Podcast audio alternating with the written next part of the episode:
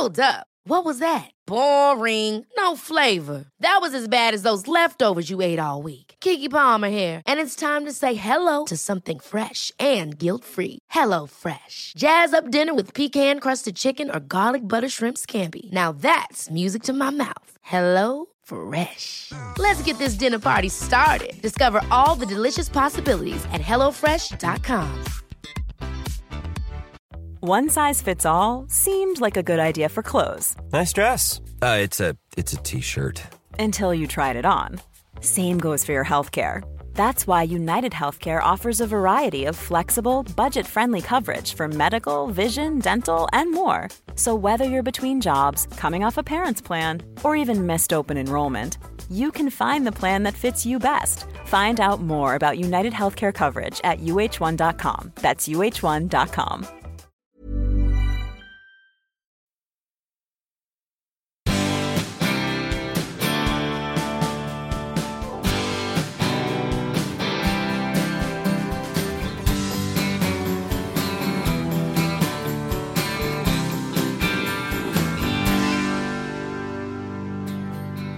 Och vänsterextremismen var ju så otroligt accepterad. För om de använde kniv mot en nazist i Kärrtorp, som en av dem gjorde, så var det ändå i ett gott syfte. Det var ju ändå en nazist man var ute efter. På det sätt som jag ville erkänna bara för att få bort allt också. Jo, det här var fel. Jo, jag har gjort det här. Jo, för att överhuvudtaget erkänna ett eget existensberättigande för mig. Eh, jag skulle önska att fler liksom tänkte den tanken att det kommer att komma en stund där du kanske måste avgå därför att du inte fick igenom den där frågan som var din egen. Men gå då. Du får inte kompromissa bort det som verkligen är eh, stammen och grunden och roten i, i dig själv. Eh, var modig. Har jag någon gång köpt choklad på företagskortet? Absolut. Har jag kört med 0,2 promille alkohol i blodet? Förmodligen. Har jag handlat i ett folktomt varuhus under coronaepidemin? Japp. Vilka blev konsekvenserna? För mig? Inga. För en politiker? Avgå. Har jag skrivit ett falskt intyg? Nej, men jag skulle under vissa omständigheter absolut kunnat gjort exakt det Mona Sahlin gjorde till sin livvakt. Vad hade konsekvenserna blivit för mig? Rejäla dagsböter. Vad blev konsekvenserna för Mona Sahlin? Fyra års personlig förföljelse från kvällspressen. Inte kunna gå och handla. Djup depression. Bokstavligt bespottad på stan. Dödshot. Och rejäla dagsböter. Hon anses vara en av de mest skandaliserade politikerna i vårt land.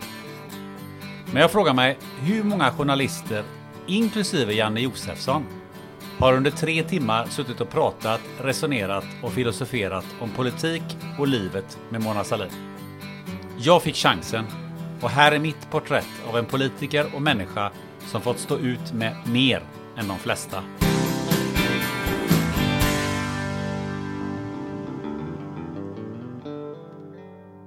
Du, eh, du och jag har ju ett gemensamt eh, intresse. Eh, radio, Nej. musik, fotboll, Ja, musik. Idrott. vad kan det vara? Eh, Kan det vara Springsteen? Ja, eller hur? Ja. ja okej. Du, ehm, eh, hur många Springsteen-konserter har du varit på? Åh, många.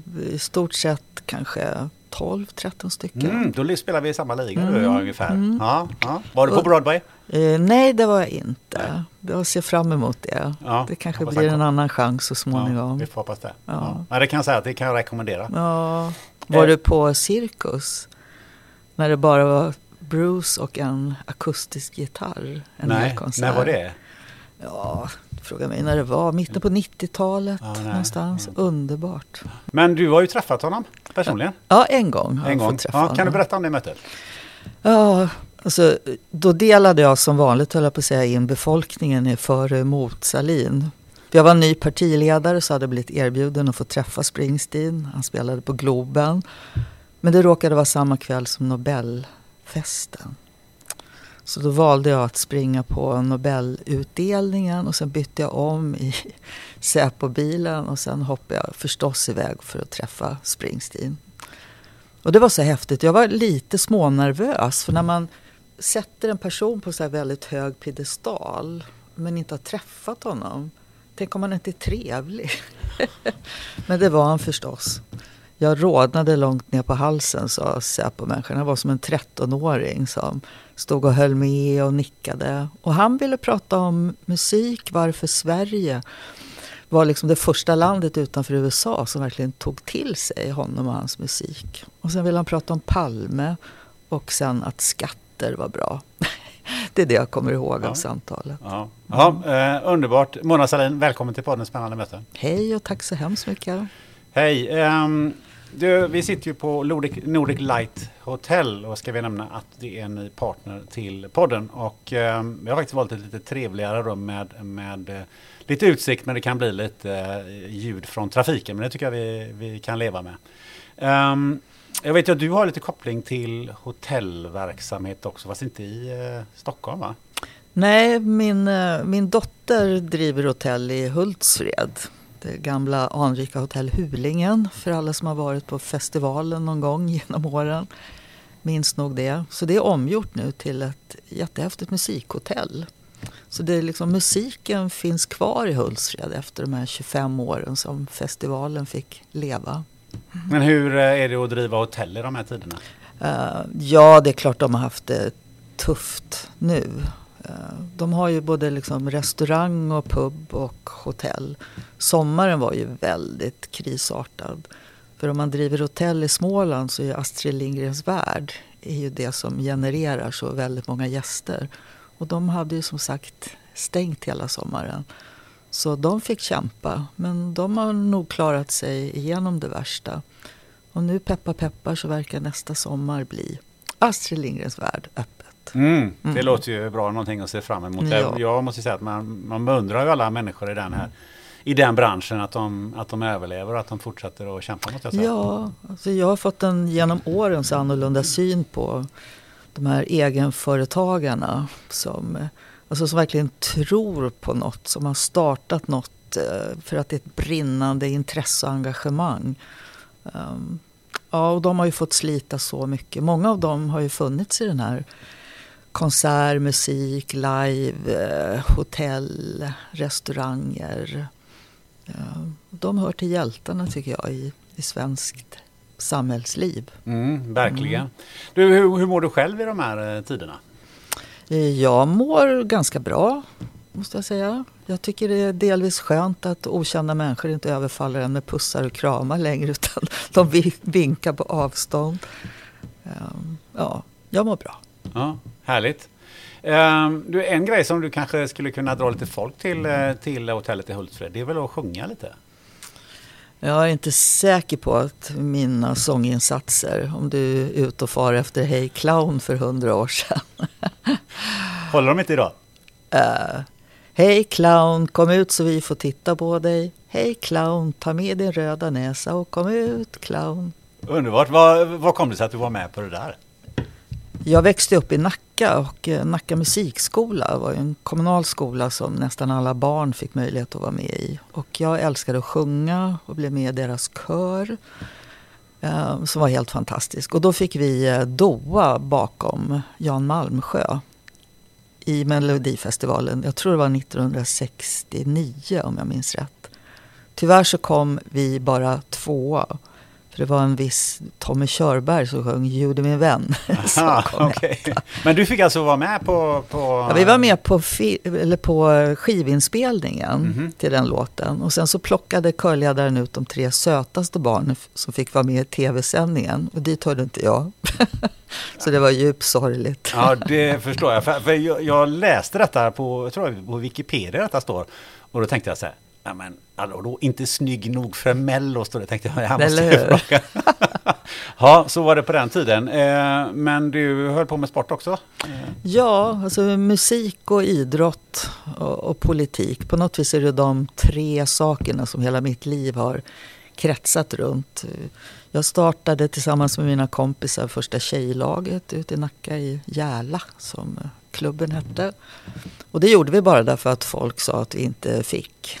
Så då Såklart. sa vi det är klart vi ska. Så vi fick bara spela på grusplanen. Vi fick aldrig någonsin spela på gräsplanen. Så var det på den tiden. Ja, Mm. för det har ju blivit rätt mycket annorlunda nu, som tur är. Ja, verkligen. Det är så kul. Jag glömmer aldrig när jag var ute i Rosengård för, för många år sedan. Det finns en klubb där, det finns ju många klubbar, men en som heter Mabi där en viss eh, Zlatan Ibrahimovic spelade också för länge sedan. Men i alla fall, då var det en liten långhårig tjej som var så otroligt duktig med bollen. Hon sprang och hon dribblade. Och en av journalisterna som var med sa då, åh vad duktig du är. Vill du, vill du bli som Zlatan när du är stor? Och tittade den här lilla tjejen upp och sa, Zlatan, han är ju kille, jag vill bli som Marta.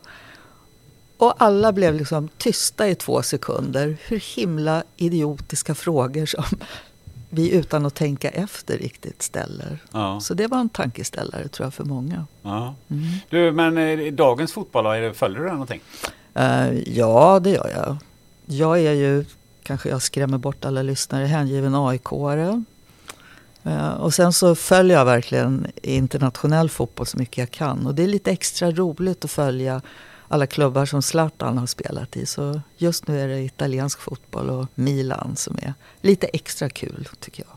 Eh, Följer du Zlatan eh, lite extra mycket? Ja, vi var ett, eh, eller är ett kompisgäng som har åkt runt i Europa en gång om året för att se fotboll. Och då har det kommit att bli där han spelar. Mm. Så vi har varit i Spanien och Frankrike och Italien. Nej, men du har träffat Springsteen, har du träffat Zlatan också? Nej, jag har bara fått säga hej till honom. Någon grej med landslaget där vi var typ hela regeringen. Men jag känner honom inte. Men han är så häftig.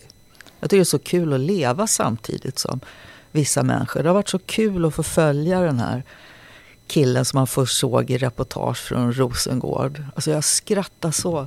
De gjorde en intervju med honom. Han låg hemma i sitt pojkrum. Han hade då Ronaldo, den gamle Ronaldo, överallt i taket. Och så sa han, ja du vet det är jättebra att bo här i Rosengård. För du vet om min mamma säger till mig att jag ska gå och köpa mjölk. Då går jag ut på balkongen och så ropar jag till några små grabbar, köp mjölk! Och då gör de det. Så du vet det är jättebra. De ska få åka med min Ferrari när jag blir stor. Ja. Det har varit så häftigt att se att vissa drömmar de, de blir verkligen av. Och just för att han är så, detta hemska ord, osvensk. Du tänkt på det? När någon är riktigt häftig då säger vi att den är osvensk. Men Zlatan är ju verkligen annorlunda än vad många tycker att en invandrarkille ska vara. Han är inte tacksam och lojal utan han är kaxig och sin egen. Jag gillar sådana människor. Det där med osvensk när du säger det, liksom, det är ju... Det är ju lite speciellt. Vad är osvensk egentligen? Ja, men många tror jag säger det som något eh, positivt. Alltså något som man skulle vilja vara men inte vågar. Eh, men för andra är ju det verkligen ett skällsord. Eh, jag vet att eh, det var någon sverigedemokrat som sa det just om Zlatan. Att han var så osvensk, han hade ett osvenskt kroppsspråk och vad det var. Jag tror det var Björn Söder kanske. Så det är intressant det där. Vad är en nationalitet idag? Vad är liksom en folksjäl idag? Där så många människor i varje land på jorden liksom har kommit och gått och flyttat in och flyttat ut. Äktenskap mellan olika hudfärger och religioner. Och ändå envisas vi på något vis med att säga att något inte är svenskt. Ja, och så var lite sådär, att det är lite käckt sådär Ja, också. exakt. Ja, Det, ja. Du, Din egen uppväxt, eh, kan man kalla den för osvensk eller väldigt svensk? Ja, så jag är född 57 eh, av mamma och pappa som kommer från Halmstad. Eh, men pappa började jobba på ungdomsvårdsskolor som eh, det heter då, ungdomsvårdsassistent. Så vi flyttade ju med då. Så jag är född uppe i Sollefteå på en ungdomsvårdsskola som pappa jobbade i. Vadå, Alltså- på en ungdomsvårdsskola? Ja men alltså, vi bodde där. Okej. Nej, hon hann nog till BB, Ja, mamma. Sen fick jag tre syskon som är född, födda på orter som andra ungdomsvårdsskolor var. Så vi liksom har flyttat runt. Sen kom vi till Nacka när pappa då blev eh, fritidschef tror jag det hette på den tiden i Nacka. Hur gammal var du då? då var jag åtta år när vi kom till Nacka. Mm. Så jag började i skolan i Vingåker. Vilket Göran Persson tyckte var jätteintressant. Mm, det förstår jag. Ja, och då gick vi på en pytteliten skola där ettan, tvåan, trean gick i samma rum. Och när vi skulle ha gympa så flyttade man bort skolbänkarna så hade man gympa in i salen. Och man fick åka skidor dit på vintern.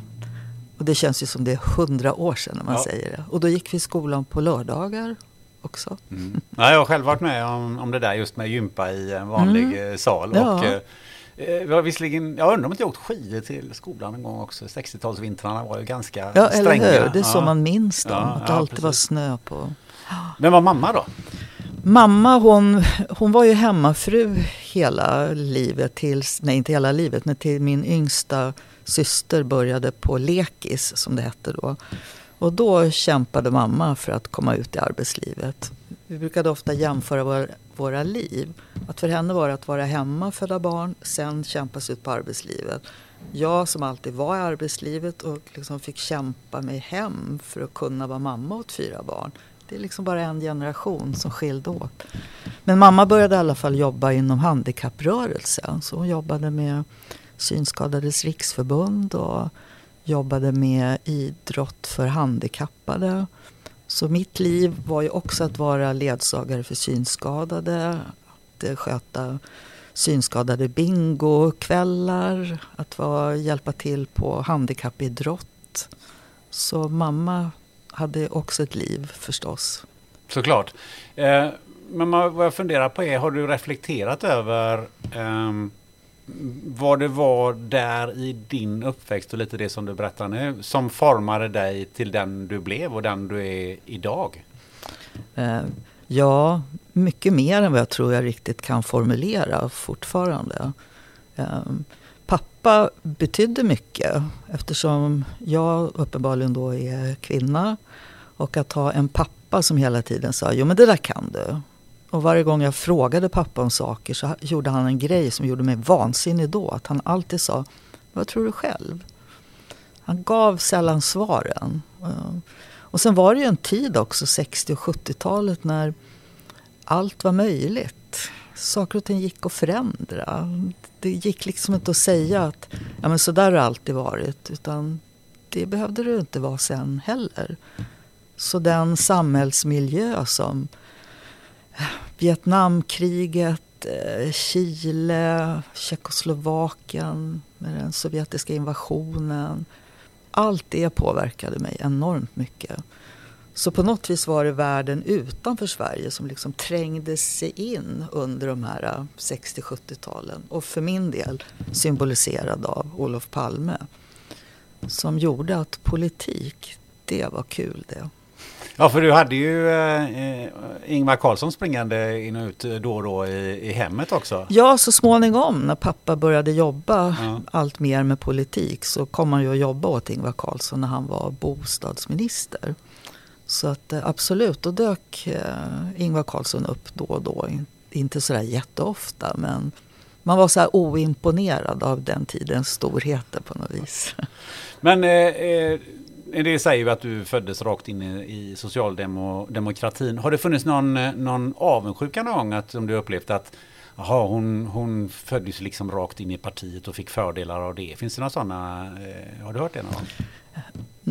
Eh, alltså, jag känner mig fortfarande lite främmande för den här beskrivningen. För att det var inte så att mamma och pappa jobbade med socialdemokratin. Det, det tog ju lång tid i deras vuxna liv innan de klev liksom in i socialdemokratin.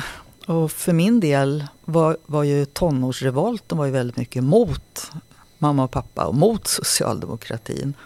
Men det jag föddes mitt in i var ju snarare en tidsålder där man inte behövde liksom be om ursäkt, där man spottade i nävarna och var någon emot den så blev man ännu mer idog i att övertyga. Det är snarare den tidsålder som jag föddes rakt in i. Eh, så jag kände ju alltid att, vadå, Mona är alltid Hasses dotter. Men det var ju ingen fördel. Jag upplevde det inte så, utan för mig blev det ju en frigörelse att visa att jag inte bara var Hasses dotter. Så första gången när pappa fick höra att ah, Hasse, jaha, du är Monas pappa. då tyckte jag man hade lyckats. Men du, eh, eh, innan vi går in på det här med, med Olof Palme och, och, och, när du gav dig in i politiken. Om du, om du i det läget inte hade gett dig in i politiken, vad tror du hade, att du hade hamnat någonstans då? Jag vet inte om alla dina lyssnare vet vad de här böckerna som hette Mina vänner, Mina bästa vänner. Man hade en bok som alla i klassen, man skrev liksom vad man hette, vad man tyckte om, vilken mat man gillade och vad man skulle bli när man blev stor. Och jag skrev alltid journalist. Eh, och det var verkligen det jag ville. Jag tyckte om att skriva. Jag fick alltid bra betyg i det där att uttrycka sig. Så jag sökte också in på Journalisthögskolan. Fastän sen blev livet så att jag blev gravid och fick barn väldigt tidigt. Men det var min dröm, att bli journalist. Och det är ju lite samma drivkrafter kan jag se så där efteråt. Att man, man ser något som man liksom vill förmedla och, och vill berätta om. Det är väldigt likt det jag menar med en god journalist också. Mm. Ja, intressant det där. Jag tror vi kommer komma tillbaka på det här med eh, journalism och journalister har jag en känsla av. Eh, mm. Men om vi, eh, om vi tar oss till det här, för du har redan nämnt Olof Palme och om man läser din bok då så, så säger du att du gick inte med Socialdemokraterna, du gick med Olof Palme. Mm. Vad, vad var det som lockade där? Alltså, om man försöker liksom blicka tillbaka till typ 1970 då, då hade jag precis blivit tonåring, 13 år. Eh, och, och, började tycka att det var ju inte bara vad man skulle köpa för smink som var viktigt utan det pågick saker runt om en som man på den tiden via tv och nyheterna fick lära sig om. Och det var ju de här bilderna från Vietnamkriget som eh, påverkade mig otroligt mycket. Bilderna på de här små barnen med napalmelden över sig. Det var så, den här eh, sydvietnamesiska generalen som sköt ihjäl en fånge liksom, direkt framför filmkamerorna. Och innan dess så hade det varit svältkatastrofen i något som då hette Biafra. Eh, och som ju chockade liksom, barn i min generation. Men vad är det här? Varför får de ingen mat? Och sen var det en som hette Mandela som var fängslad för att han, för att han var svart och ville ha rättigheter. Så allt det där trängde sig på och skapade en väldig ilska inombords. Man ville göra något. Och då stod det en vuxen politiker där som såg precis lika förbannad ut som vad vi kände oss, eller vad jag kände mig. Så det fanns en eh, total trovärdighet hos Olof Palme för många i min generation. Därför att socialdemokratin var liksom det här stora pampiga partiet. Det var inte det man själv identifierade med någon liksom vilja till att förändra och göra saker. Men han gjorde det. Um, idag då? Skulle, man kunna säga så här, skulle du kunna säga så här att um, idag skulle vi gå med Stefan Löfven? Eh, det är inte alls samma sak. Jag skulle inte säga det. Och, eh, jag tror inte många sa heller jag går med sossarna för Mona Sahlin eller Håkan Juholt. Alltså ledarskapet har på gott och på ont en helt annan roll och aura runt sig. Men då, när det verkligen handlade om att också driva frågor mot någon slags eh, mainstream-politik som jag tycker Palme var verkligen unik med. Um, ja, han lockade och drog. Så jag började med att bara liksom göra det Olof Palme gjorde och bara driva de frågorna. Och till slut så växte man ju in i också att se politiken och problemen i Sverige. Så att det började ute i Vietnam och sen letade det sig in till hur var det att vara bög i Sverige. Men jag tänker på eh, idag, hur, hur, hur hade du resonerat idag? Eh, och hur tycker du man ska resonera? För någonstans så, så kanske man vill ha ett politiskt engagemang idag. Vad är det man ska se och vad du tror är man ser framför sig? Ja, nu vet jag inte riktigt vad du menar men jag kan ju se en tjej idag som jag tror kommer att be betyda lika mycket men för många fler än vad Olof Palme gjorde. Det är ju Greta. Mm. Alltså människor som fångar upp upp någonting stort och svårt som inte bara är i politiken för att eh, få röster utan också verkligen vill förändra, eh, tala emot, uppröra folk. Den egenskapen tror jag kommer att bli allt mer betydelsefull. Så jag önskar verkligen att eh, Greta blir en symbol också för de politiska ledarna. Skulle du behöva fler eh, Gretor fast ja, i andra år? absolut. Alltså Gretor, de där överlevnadsfrågorna som ju trots allt är det politiken förr eller senare måste våga ge sig i kast med. Som absolut är klimatfrågan. Men det är också frågan om eh, rasismen. Det är också frågan om eh, hur sjukvården ska våga förändras i takt med att människor förändras. Att eh, när vi lever längre och längre, hur ska vår ålderdom se ut? Eh, de riktigt svåra frågorna, det behöver politiken ge sig in i. Inte för att ha ett svar utan för att tillsammans med medborgarna hitta de svar som är möjliga för just vårt land att ha. För Olof Palme sa ju politik är att vilja. Mm. Um, vad, vad, vad är det man borde vilja idag? Dels så tyckte jag själv, och det pratade jag faktiskt med honom om någon gång, att politik får inte bara vara vilja, man måste också välja. Eh, du måste välja vilka frågor som är de stora, viktiga. Och du måste våga välja det som också väljarna inte vill att du ska säga. Så att då är det ju klimatfrågan. Det är orättvisorna mellan rika och fattiga, inte bara i ett land utan också mellan länderna. Och det är vad intoleransen och rasismen, homofobin eh, gör med människors eh, mod att våga leva de liv de faktiskt vill leva. Så att mindre materiella frågeställningar och mer till vilka strukturer i, i samhällena som möjliggör eller förhindrar för människor att leva hela och fria liv. Vad är det dagens politiker vill så som du uppfattar det? Eh, alltså, jag har ju varit en del av politiken hela tiden. Det är ju inte så att jag bara sitter och säger att andra inte har begripit någonting. Utan... Men det är ju några år sedan du var inne i politiken. Ja, nej, men jag bara menar att när man växer upp i politiken och låtsas att den är som en folkrörelse, att det verkligen drivs av vad väljarna och medlemmarna vill. Ehm, så kan man ju snabbt hoppa till idag och se att det är snarare vad SIFO säger att väljarna tycker som sen politiken försöker visa att man också gör. Och då har man ju begränsat möjligheterna. Eh, politik måste, menar jag i alla fall, vara att också inte bara följa opinion utan också vilja bilda opinion.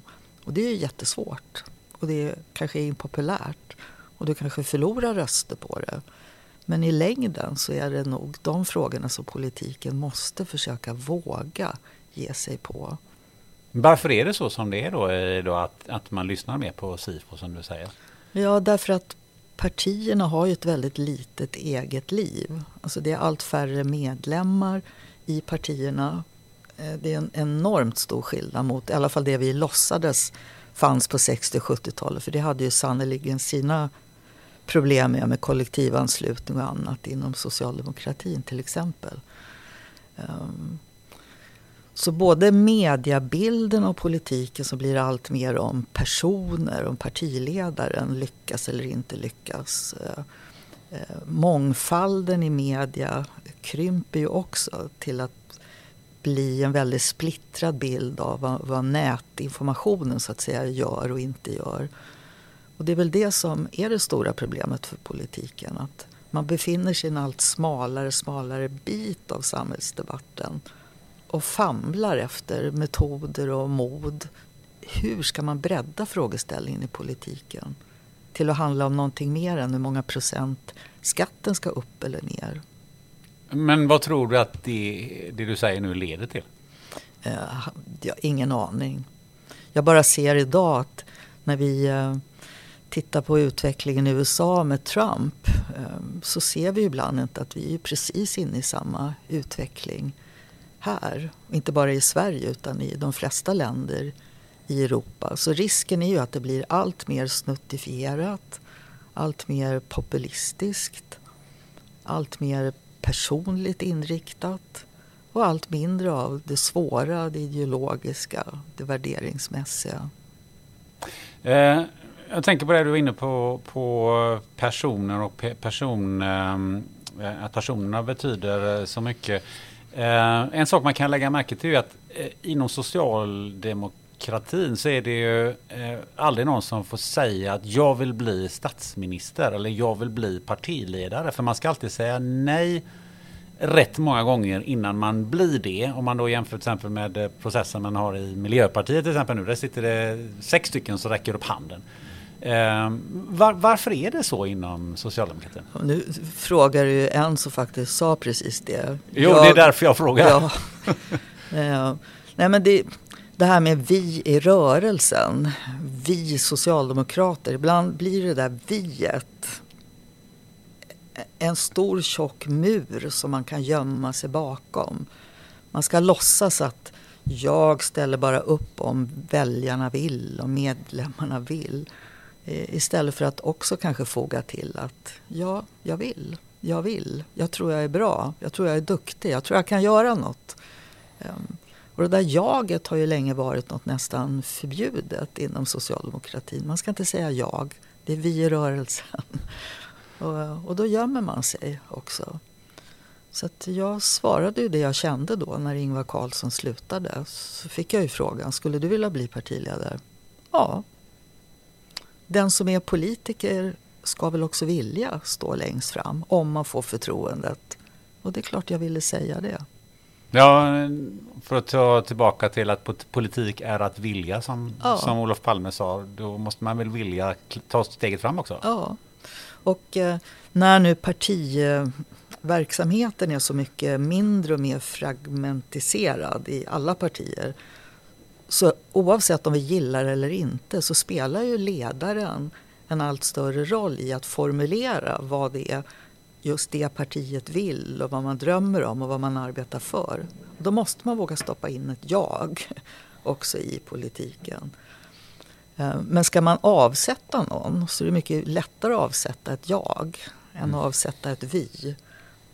Så när man ställer sig som person längst fram så blir man ju också mer utsatt och granskad. Det, det, ska vara så, men alla är kanske inte riktigt förberedda på att det är så det blir. Men var det där någonstans eh, som eh, det fanns kanske några stycken i socialdemokratiska partiet som tyckte liksom, varför ska hon säga det här? Väckte det någon sorts ont blod tror du, i, eh, i partiet? Uh, ja, det gjorde det. En, en, del tyckte att det var befriande och andra tyckte att det var väldigt provocerande att vara det där jaget. Och det har ju också att göra med bakgrund och så. Jag var ju inte en del av arbetarklassen. Eh, jag var också den första kvinnan. Jag hade också generat väldigt många med att kräva att man skulle prata om bögar och HIV-aids och frågor som många tyckte var absolut inte politiska utan någonting helt annat. Så att eh, det var ju många saker som gjorde att jag hos många blev väldigt uppskattad och hos andra blev väldigt ifrågasatt. Ja, för det förbryllar ju faktiskt mig en del eh, att just den typen av frågor inte var någonting man kunde prata mm, inom socialdemokratin som, så som du säger. För på något sätt så, så står man ju för lika berättigande inom andra områden såsom ja, framförallt lön då. Varför var det så kontroversiellt att, att prata om de här frågorna? Ja, men då måste man ändå komma ihåg den korta period i politiken som till exempel jämställdhet mellan könen är självklar. Det har den inte varit alltid. Eller när arbetarklassen också var undersköterskan och inte bara metallarbetaren. Ehm, eller en tid när kärlek inte bara var mellan man och kvinna utan mellan två män och två kvinnor.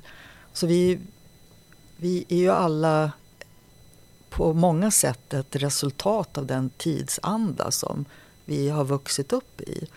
Och socialdemokratin så har det varit ett väldigt manligt parti, grabbigt parti på många vis och sätt. Ehm, och när man börjar liksom rycka och slita och skrapa på den där muren och tvinga folk att också se att ska man vara ett parti mot orättvisor och för jämlikhet så måste man se att det finns fler aspekter än de ekonomiska orättvisorna som hindrar människor. Ehm, och det var inte självklart för alla. Är det självklart idag? Ja, mer och mer, absolut. Sen kanske inte alla känner sig lika bekväma och självklara med det. Och fortfarande idag så finns det en debatt inom delar av arbetarrörelsen som tycker att det här att prata om eh, hur, hur, man lever, hur, hur, man identifierar sig, att det är någonting borgerligt och att det enda socialdemokratiska bör vara just klassen. Eh, och jag hör verkligen till de som säger att det räcker inte med att bara prata om klass. Du måste också se att kön eller att eh, hudfärg eller bakgrund, att det också spelar roll. Det är först då klassamhället blir synligt, när man lägger på de här rastrena som ja, kanske framförallt kön, sexuell läggning och eh, hudfärg. Då blir det helt. Det finns ju ett annat parti som kanske eh, står längre ifrån, eh, eh, milt sagt, från det, de frågorna som, som du har drivit. Och det är SD som ju under eh, din tid växte från, in, din tid i politiken vill säga, växte ja, från noll och intet eh, till, eh, Eh, till där de är idag, där man liksom enligt SIFO då har någonstans 20 procent. Sådär. Um, det jag funderar på är, hur ser du på det? Vad kommer det sig att eh, de kunde växa på det sättet? Ehm, ja, nu börjar jag förstå varför det behövs många timmar till det här samtalet.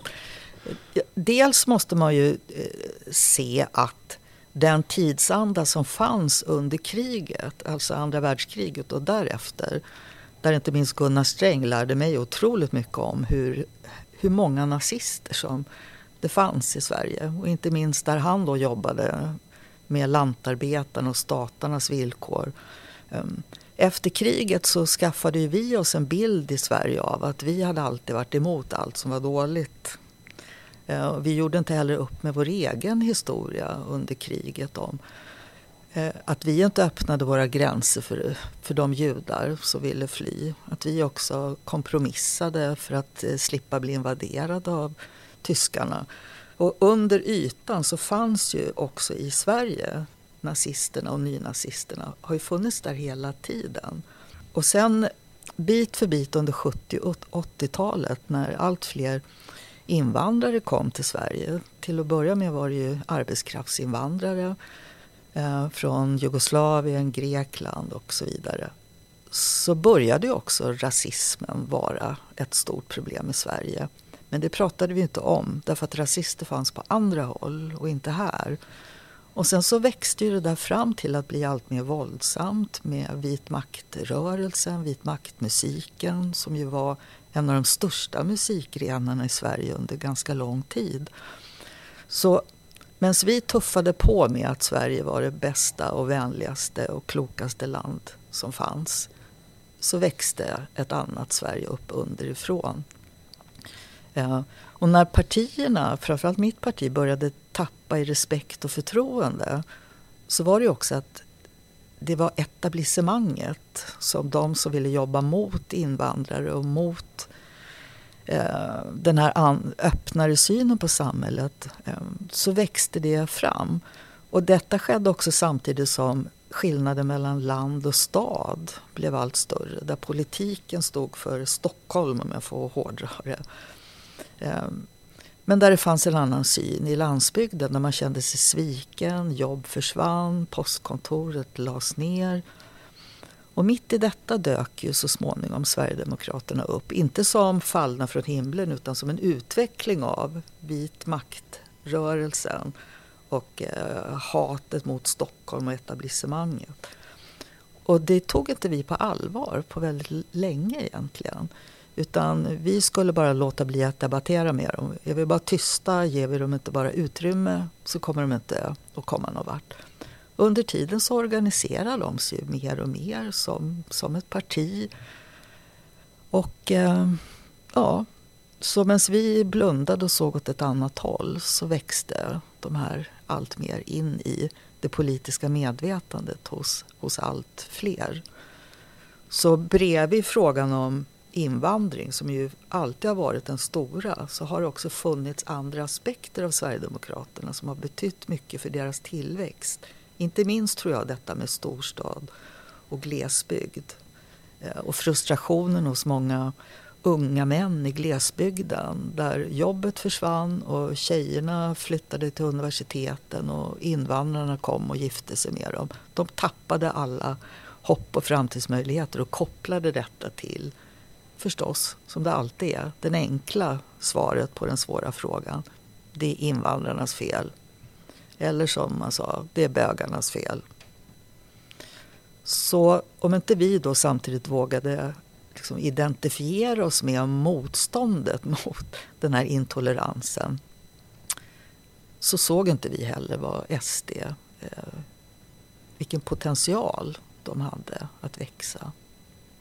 Men varför ville man inte ta debatten med dem? För man måste inse att, att här kommer en motståndare och ser man det i andra kontexter, idrottskontexter eller vad du vill, så så då kollar man in, oj här kommer några som verkar eh, vara runner-ups, här får vi nog passa oss lite. Vi får nog ta och kolla på vad de har för taktik. Ja, men eh, alltså från början om...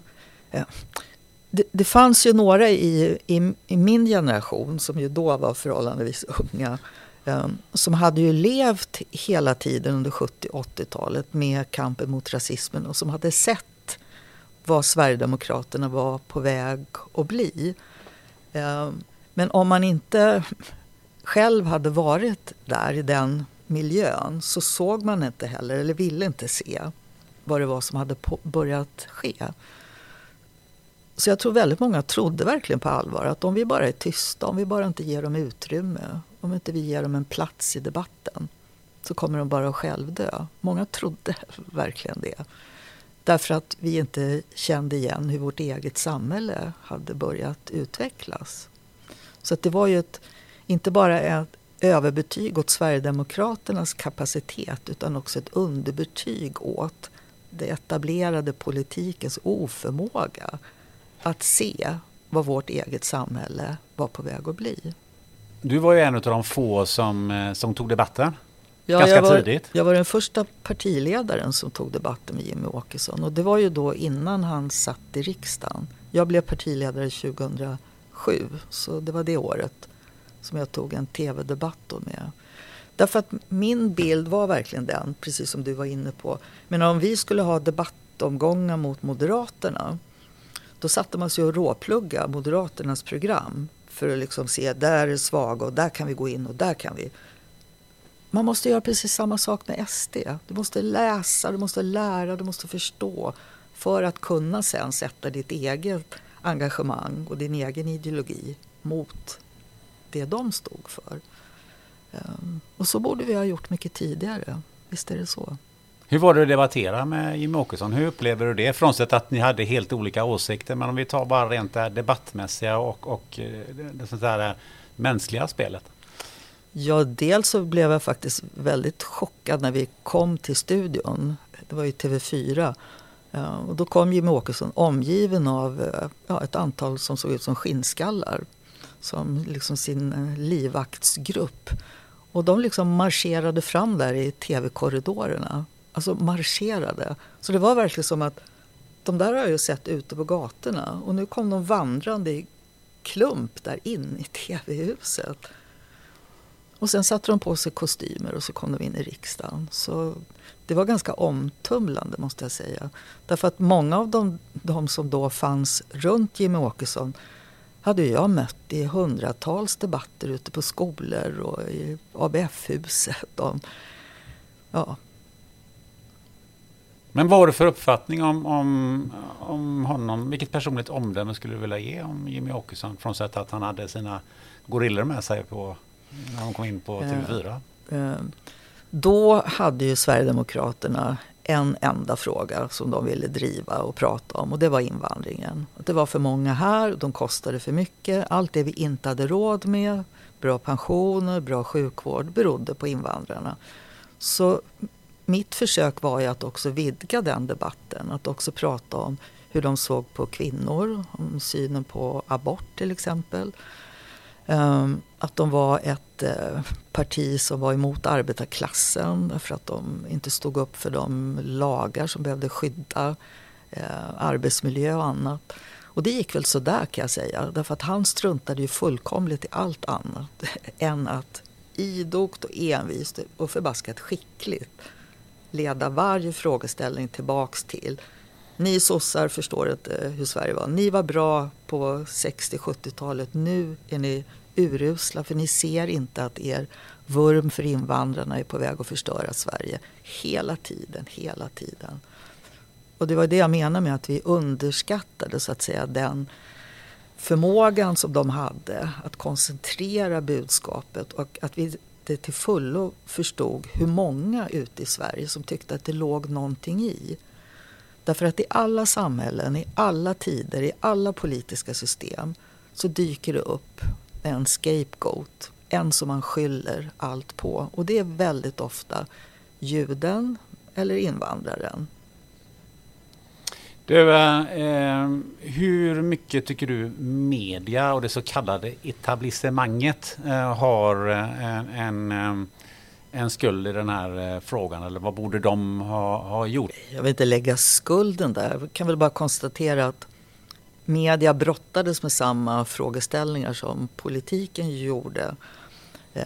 Och jag kan bara konstatera att den här offerkoftan som ju Sverigedemokraterna älskar att sätta på sig. De vårdar sina offerkoftor.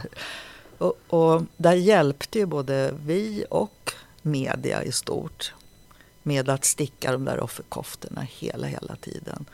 Ehm, och det var ju sådana här idiotiska saker som hände. Min efterträdare till exempel, Håkan Juholt, han avstod ju, han hoppade ju av en debatt i SVT helt och hållet därför att han Eh, skulle stå i podiet bredvid Sverigedemokraterna och bara vägrade. Och det var ju verkligen en offerkofta att sätta. Då satt de ju ändå i riksdagen. Eh, och sen tycker jag också att journalistiken, precis som politiken, otroligt historielös när det gällde bakgrunden till Sverigedemokraterna och eh, hur hur den vit maktmiljö som hade utvecklats mer och mer, hur den faktiskt såg ut.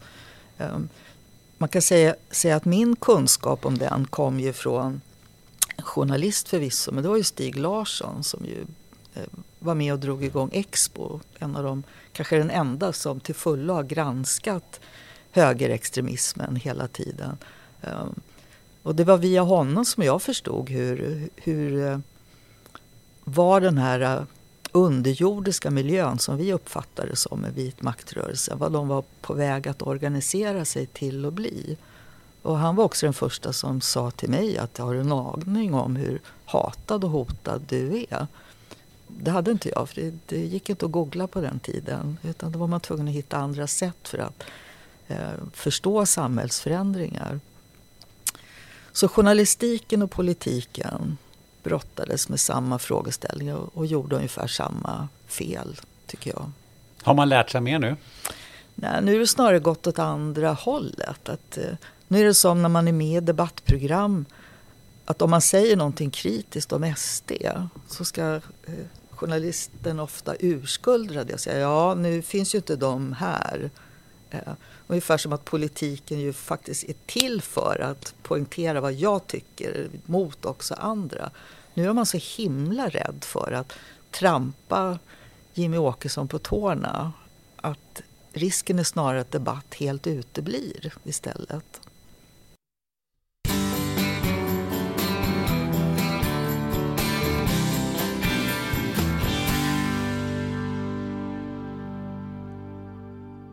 Ska du resa utomlands närmaste tiden?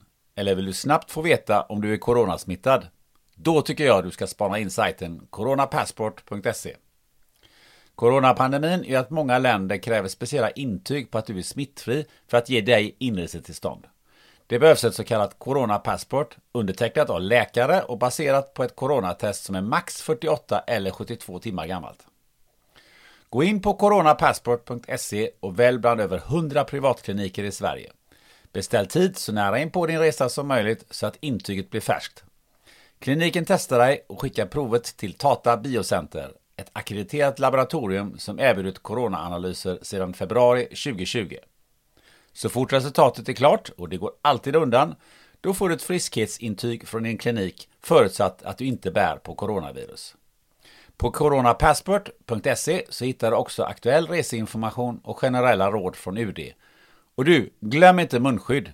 Finns på coronapassport.se numera även med nanofilter som till och med filtrerar virus.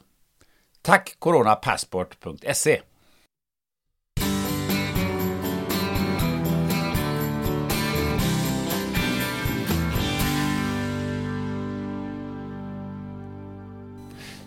Det här med hot och hat eh, nämnde du helt kort. Och det är ju någonting som du har varit utsatt för, för och, och vi pratade om det när vi käkade lunch här, tidigare. Och att jag mm, ställde bland annat frågan till att du sätter dig alltid med, med ryggen längst in i, i, eh, på en restaurang och så vidare. Um, du har ju också varit med om att folk vräker ur sig ett och annat. Uh, till exempel uh, din jävla fitta med, ur, ur, en bil med familjen sittande i bilen. Ja. Och då funderar jag lite så här. Uh, vad säger det om tillståndet i, i Sverige att någon kan att folk kan vräka ur sig sådana här grejer till höger och vänster? Det, finns, alltså det, det måste ju saknas någon spärr någonstans eller, eller vad, hur, hur tolkar du det? Det finns en, en viss sorts hat och en viss sorts uttryck som det inte är så att folk slänger sig med utan män slänger sig med mot kvinnor. Eh, utan eh, när man ska kritisera kvinnor så blir vi horor och fittor. Så har det varit alltid. Alltid, alltid. Eh, och det, det, finns en, eh, det finns en grupp män som uppenbarligen vill ha offerkoftor på sig de också. Eh, och som väldigt gärna skyller sina egna problem och misslyckanden på vad kvinnor, framförallt det de säger är feminister då, gör och inte gör. Men det finns ju också en aspekt av att vit maktrörelsen, eh, långt utanför Sverigedemokraterna, på samma sätt liksom nosade upp om, om du är vänsterpolitiker, om du är kvinna, om du driver frågor om bögars rättigheter och emot rasismen. Där har du liksom alla fel som finns. Och det är de som jag har mött hela tiden. Men det finns någonting med, som Stig Larsson skrev ju i sin titel på sin första bok om män som hatar kvinnor. Man kan byta ut hata mot tycka illa om eller känna sig provocerad av. Men det finns där och det har alltid funnits där och det har inte varit riktigt tillåtet att prata om. Jag fick ju alltid höra att eh, du ska inte prata om de där hoten och haten för då är det precis som du söker eh, ursäkter för det du gör och inte gör eller att du urskuldrar dina egna misslyckanden med det hat som du möter. Så alldeles för länge så gick ju jag och många kvinnliga journalister runt och var tysta med den verklighet som verkligen allt mer blev våran. Hur har den verkligheten som du beskriver där, hur tycker du att den har format dig? Eller påverkat dig? Ja, det är klart, den har nog påverkat mig mer än vad jag riktigt eh, själv inser även idag. Eh, jag vill ju liksom, först vill man då säga att det har inte påverkat mig. Jag har stått fast vid mina åsikter. Och det har jag väl gjort i någon mån. Men rädslan som undan för undan har smugits in också i mitt själ och mitt hjärta eh, har ju också gjort att jag ibland har funderat över, ja men ska jag säga just det här nu? Jag vet ju hur det blir. Så också jag har nog ibland avstått från att säga saker. Och jag har ju träffat så många politiker från många partier som har avstått att driva frågor ute i kommunerna där ju ofta närheten till hatarna är mycket, ja, mycket närmre än vad den är till riksdagspolitiken. Jag träffar journalister som inte riktigt har vågat eh, granska de här rörelserna av rädsla för det de själva och deras familjer ska bli utsatt för. Så att hoten och haten är inte bara ett problem för den som blir utsatt utan det gör att samhällsdebatten tystnar och blir annorlunda mot vad den annars skulle kunna ha varit. Och det räcker väl att titta på nätet. De här hatarna är ju inte så att det är en stor majoritet av Sveriges befolkning. Men de är baske med en stor majoritet på många av nät, nätsidorna. Så vi har ju också låtit dem så att säga ta över på många vis den offentliga diskussionen på Twitter och Facebook. Och det stör mig något oerhört. Varför, varför var inte vi bättre på att bjuda motstånd på de grupperingarna? Men jag funderar på rent personligt så, om jag försöker sätta mig in i en, en del sådana där grejer. Eh, hur, hur mår man då och hur kan man liksom hålla isär det och sen ska du göra ett framträdande och ställa dig där och vara skärpt i en talarstol samtidigt som du är skiträdd. Hur, hur mår man där inne? Ja. Dels så går det inte att sära på. Alltså, det jag tycker om rasister är ju inte något jag tycker i det offentliga mån utan det är ju den jag är. Så det har ju aldrig gått att skilja på den utåtriktade offentliga mig och den privata. Därför att i de här frågorna är det liksom ett och samma. Men jag har ju varit så ledsen ibland. Alltså verkligen att jag har varit på väg att grina mitt i en talarstol och man verkligen får för det får man inte göra om man är kvinna framförallt. Då är man ju bara hysterisk.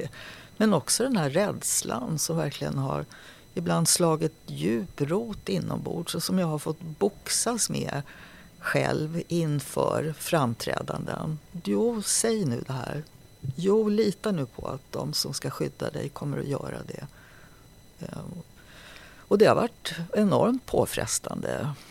Jag har absolut blivit en sargad person ehm, som ändå har fortsatt vara hyfsat modig. Men det är ju inte så att jag har varit opåverkad. Men det låter som att man i politiken inte får vara sårbar. Nej, det där är också så intressant. Det finns ju en könsaspekt i det också. Ehm, den här fantastiska presidenten i USA för några år tillbaka som hette Obama. Han höll ett tal om, det var efter någon av skolskjutningarna. Då han med ett tal ville lyfta upp frågan om vapentillgången i USA som ju är en jättekänslig fråga. Och när han pratade om det här då plötsligt började han gråta. Tårarna rann. Och det var så mycket positiva artiklar om denna fantastiska man som hade visat sig så sårbar. Och inte långt därefter så började Åsa Romson nästan gråta när hon på en presskonferens pratade om hur svårt det här med flyktingkrisen var att hantera. Och hon fick så mycket kritik för att hon var svag och utnyttjade att hon grät. Så att eh, i nästan alla sådana här frågeställningar så måste man också betrakta om vi behandlar män och kvinnor på samma sätt. Om en mans svaghet visar styrka, att han vågar visa sig svag. Men en kvinnas svaghet visar hur svag hon är. En annan fundering som jag får är ju det här med att vara sårbar är ju också att egentligen vara vanlig människa. Eh, jag menar vanliga människor de lånar av företagskortet och vanliga människor kör med 0,2 promille i blodet och vanliga människor går och handlar på ett folktomt eh, köpcentrum några dagar innan jul för man behöver köpa en julklapp. Um, hur vanlig får man vara som politiker? Ja, det där är en jättesvår fråga och, och viktig. Framförallt i en tid som vi har pratat om innan när personen blir allt eh, viktigare i politiken eftersom inte folkmassorna finns där. Och hur vanlig får man vara? Vad, vad är det att vara en vanlig människa? Är det att göra bort sig, att göra fel, att misslyckas? Ja, absolut. Men tillåter vi politikerna att vara där? Jag hör ju ofta många säga att vi vill att människor i politiken ska vara som folk är mest. Men när politiker gör som folk är mest så blir ju också kritiken benhård. Och då vill jag verkligen säga, att jag har gjort saker som har varit jättefel så jag sitter inte och försvarar det. Men det finns ändå en aspekt av det. att Jag känner så väldigt starkt att människor som har gjort bort sig, gjort felaktigheter, har tänkt igenom, har förändrat sig. De är de personer som jag verkligen känner tillit till. Jag skulle önska att det var så också i politiken. Att man kunde säga jo, men eh, hon gjorde det där. Men hon verkar verkligen ha förstått och det har lärt henne något. Så här. Hon kan nog bli bra nästa gång. Ja, för jag tänker att eh, de här grejerna som jag räknar upp där, mm. de har ju jag gjort. Mm. Och jag kan inte sitta så här att ja, det kanske var fel, men jag sitter inte här och som är djupt äh, ångerfull. Och det jag funderar på är att det finns en paradox här på något ja. sätt. Att det är som du säger att ja, men vi som, alltså väljarna vill ju att men det ska vara de vanliga människorna. Det ska mm. vara precis som du och jag. Det ska vara, någon, det ska vara min representant där. Mm. Men de får ju inte bära sig åt som jag gör.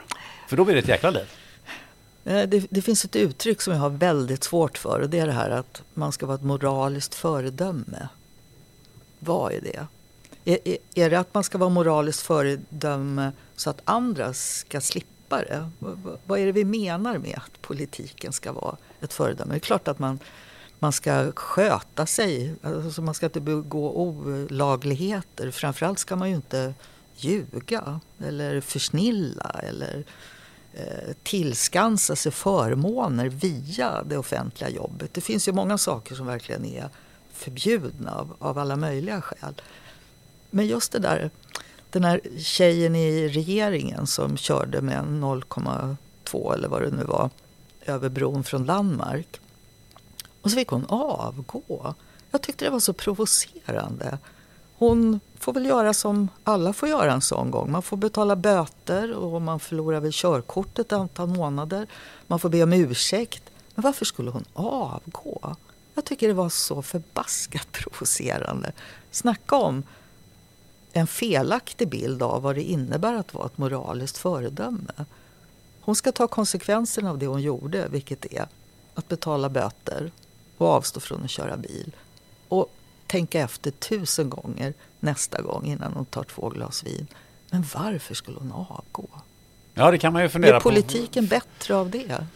Nej, för vanliga människor hade inte fått avgå från Nej. sin... Jag tänker att eh, om du har en, en, en ställning i, i, i, ett företag och, och säger att du sitter i ledningsgruppen. Jag tror inte att någon i ledningsgruppen på, på ett större företag får, får avgå för att de eh, kör med 0,2 promille. De får kanske sin åthutning, ja det, det, är väl lite mer rätt då. Men, men, men alltså politiken det... är ju inte som ett företag. Men varför ska man, inte, varför ska man ha en annan nej, tolerans med politiken? Nej men Anna, det är bara det att i politiken så kan du bara stanna om du bär ett förtroende. Om inte folk har förtroende för dig så kan du liksom inte göra ditt jobb. Det, det, är snarare där som jag tycker att man borde ha gett till exempel den här tjejen en chans att visa att hon kunde bära ett förtroende även med en dom för ratt, eller rattonykterhet. Är det rattfylla eller ratt, ja. Rattonykterhet är det nog ja, knappt det. Ja.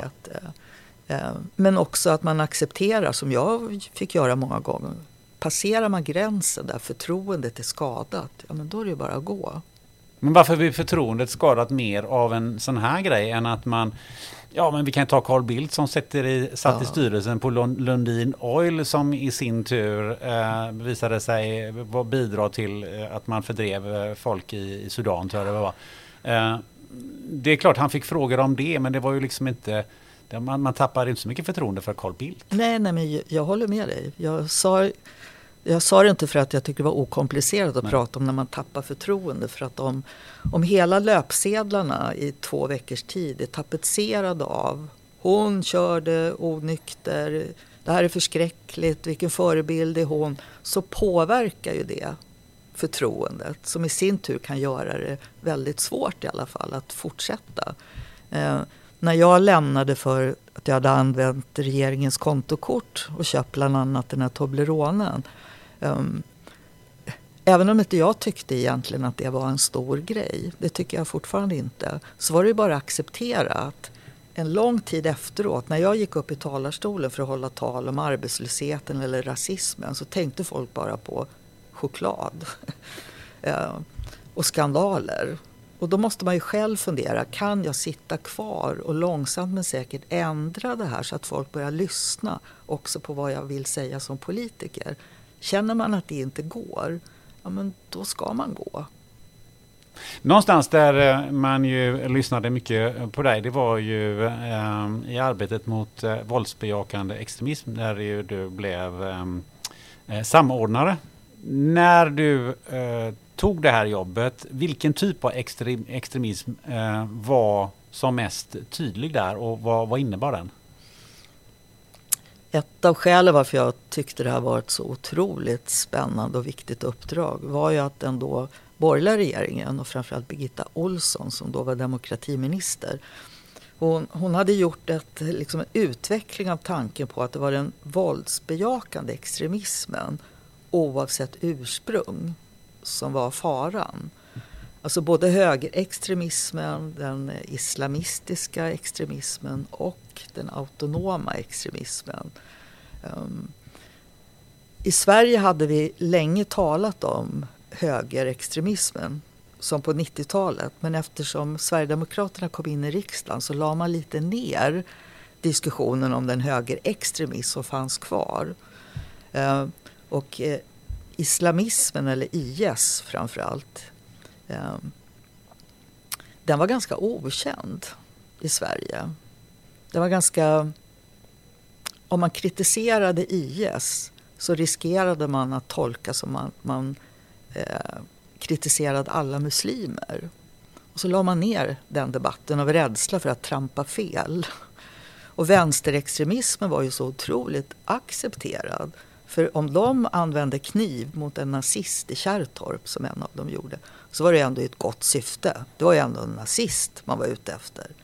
Så alla de här tre grupperingarna hade sina skäl för varför det inte riktigt togs på det allvar och visades det stora, stora problem som uppstår i ett samhälle om man accepterar våld som uttryck för en ideologisk, en politisk ideologi eller en religiös ideologi. Så... Planning for your next trip? Elevate your travel style with Quince. Quince has all the jet-setting essentials you'll want for your next getaway, like European linen premium luggage options, buttery soft Italian leather bags, and so much more. And is all priced at 50 to 80% less than similar brands. Plus, Quince only works with factories that use safe and ethical manufacturing practices. Pack your bags with high-quality essentials you'll be wearing for vacations to come with Quince. Go to quince.com/pack for free shipping and 365-day returns. Many of us have those stubborn pounds that seem impossible to lose, no matter how good we eat or how hard we work out. My solution is PlushCare. PlushCare is a leading telehealth provider with doctors who are there for you day and night to partner with you in your weight loss journey. They can prescribe FDA-approved weight loss medications like Wagovi and Zepbound for those who qualify. Plus, they accept most insurance plans. To get started, visit plushcare.com slash weight loss. That's plushcare.com slash weight loss. Hey, it's Ryan Reynolds, and I'm here with Keith, co-star of my upcoming film, If, only in theaters May 17th. Do you want to tell people the big news? All right, I'll do it. Sign up now and you'll get unlimited for $15 a month in six months of Paramount Plus Essential Plan on us. Mintmobile.com slash switch. Upfront payment of $45 equivalent to $15 per month. Unlimited over 40 gigabytes per month. Face lower speeds. Videos at 480p. Active Mint customers by 531.24 get six months of Paramount Plus Essential Plan. Auto renews after six months. Offer ends May 31st, 2024. Separate Paramount Plus registration required. Terms and conditions apply if rated PG. Ungefär samtidigt som jag fick det här uppdraget så började ju också IS utföra allt mer dåd i Europa. Eh, men samtidigt var det också så att högerextremismen stod för kanske ännu fler dödsfall och våld runt om i Europa. Så jag tyckte det var det mest spännande uppdrag som jag faktiskt har haft i hela mitt politiska liv. Hur såg eh, ditt gamla parti eh, på just eh, det här med eh, islamism och, och, och, den typen av extremism? Eh, I början när jag tog det här uppdraget så var det faktiskt många i partiets ledning som tyckte att det var fel av mig att ta ett sådant uppdrag som en borgerlig regering hade tillsatt. För de menar på om du gör ett bra jobb Mona så kommer det bli den borgerliga regeringen som får beröm. Ja, det, var, det, det, är så märkligt ibland i, i politiken. Men eh, vad frågar du om? Nej, jag frågar, alltså det jag far efter är ju lite grann hur, du nämnde själv här att, att man eh, gärna var rädd för att eh, bli kallad rasist om, om man då eh, just pratar om islamismen och mm. man då mm. drog alla, alla muslimer över en, en kam. Och jag, eh, vad jag far efter det lite, hur såg Socialdemokraterna eh, på just det? Mm. Um, jag hade ju förändrat mitt sätt att se på vad som hände i Sverige väldigt mycket i och med mordet på Pela och Fadime. Eh, för det var väldiga likheter med den uteblivna diskussionen om islamismen i Sverige. Att det pågick en förändring um, som man dels inte kände till därför att den var inte en del i det offentliga samtalet. Den pågick ju bara inom citationstecken i förorterna och därifrån hade ju politiken stuckit iväg från för väldigt många år sedan. Ehm, så väldigt många i socialdemokratin och framförallt inom Vänsterpartiet hade ju absolut bilden av att eh, den politiska islamismen var inte ett problem i Sverige. Och det var bara i onda avsikter som man ville jaga muslimerna och säga att de var problem som grupp. Och det var helt idiotiskt och väldigt, väldigt farlig eh, syn på eh, jag lärde mig så enormt mycket av en kille som han sa så här. I, I vårt bostadsområde här så är det en kille som har stuckit iväg till Syrien och han dog. Och då var det många i den kommunen, politiker, som sa att ja men det var väl inget problem då, det var ju bara en. Och så satte han tillsammans med mig och gjorde en räkneexempel på den här pojken och hans syskon och hans föräldrar och hans kusiner, hans klasskamrater, hans grannar, eh, hans fotbollskompisar och de ledarna, de eh, poliser som hade funnits i det området, de islamiska imamer som fanns i det området. Plötsligt var det bara runt denna enda person så var det ju hundratals människor som var direkt påverkade av att han försvann ner chockartat och dog. Men det fanns också enormt många vuxna, en enormt stor del av samhället som borde ha kunnat se vad som var på väg att hända just runt den här pojken. Och i det fanns ju min... Alltså jag brinner så för det här fortfarande för att då kan man antingen resonera om hur ska vi straffa den som åker? Och det ska vi göra. Men om man inte samtidigt frågar sig hur kunde vi upptäcka tidigare den radikalisering som den här pojken var på väg in i? Om inte vi lyckas med det, då kan ju vi jaga efter terroristerna IS år ut och år in utan att någonsin komma till rätta med varför denna extremism växte mitt i vårt välfärdssamhälle. Men var man också lite rädd att tappa röster? Ja, absolut. Det, det, var ju inte okomplicerat. Det stötte jag på många gånger också. Absolut. Ja, och det fanns en ovilja även hos eh, väldigt schyssta, demokratiskt tänkande imamer. Därför att man ville inte vara med och erkänna att också inom, inom den egna religiösa verksamheten hade detta uppstått. Så att det fanns ju faror och vilja till att vara lite tysta bland väldigt många. Du, eh, det här jobbet eh, innebar ju att eh, du blev en av Sveriges mest hotade personer, vad jag har förstått. Hur, hur såg liksom, hur, hur, såg man från regeringens sida på din, på din säkerhet? Ja, i, i början såg man inte alls speciellt mycket på det vi har ju en väldigt, tycker jag, lite knepig syn på hur, hur skyddet runt offentliga personer ska vara. Så länge jag var minister eller satt i riksdagen så var det Säpo som ansvarade för min säkerhet. Men samma stund som jag lämnar riksdag och regering så fanns inte Säpo där alls.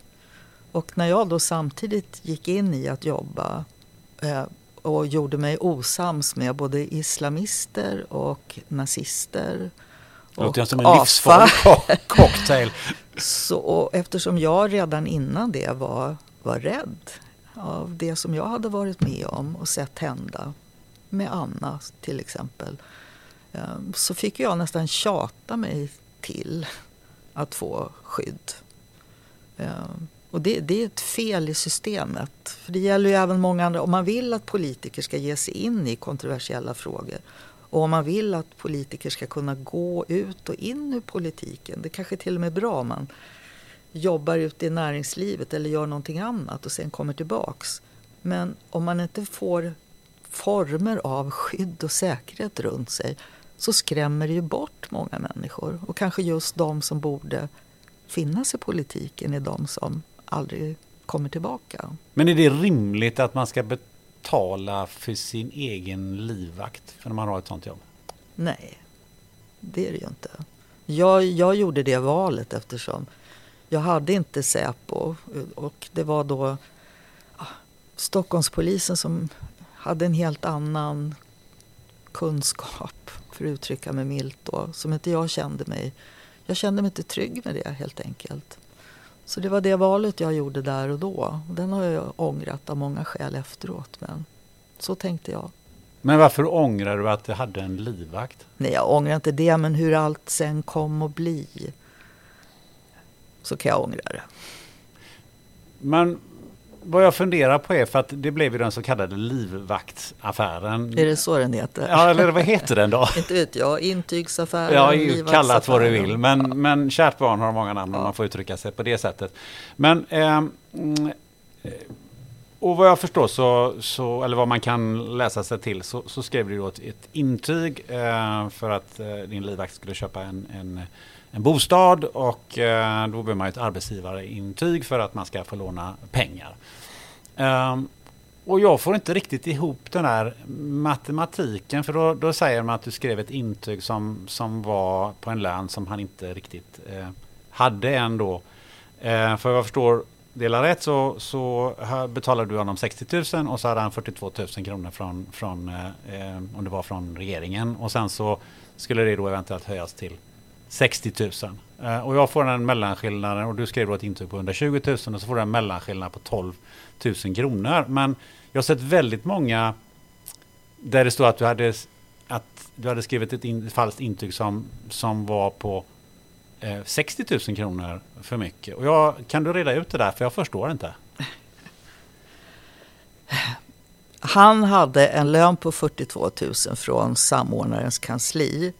Eh, Ett tag efter att han blev anställd så fick han också dubbla arbetsuppgifter eftersom vi förlorade den som hade hållit på med media innan. Så då tänkte jag då kan han göra det också.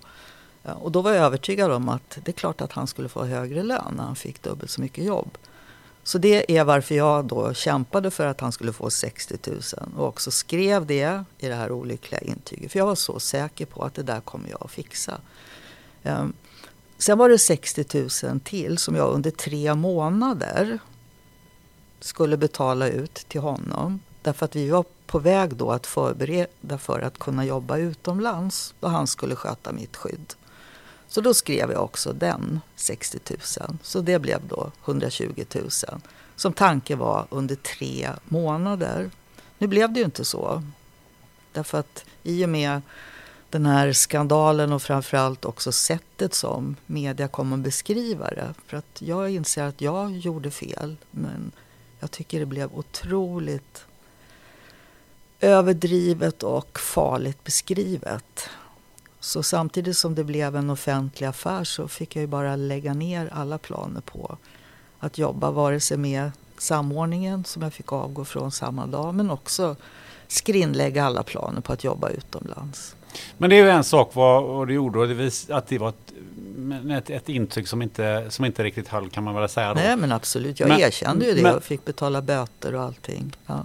Men det, det, det må ju vara en sak. Eh, men när man läser där så, så så blev det ju en väldigt mycket större affär av det. Mm. Eh, rent mediamässigt.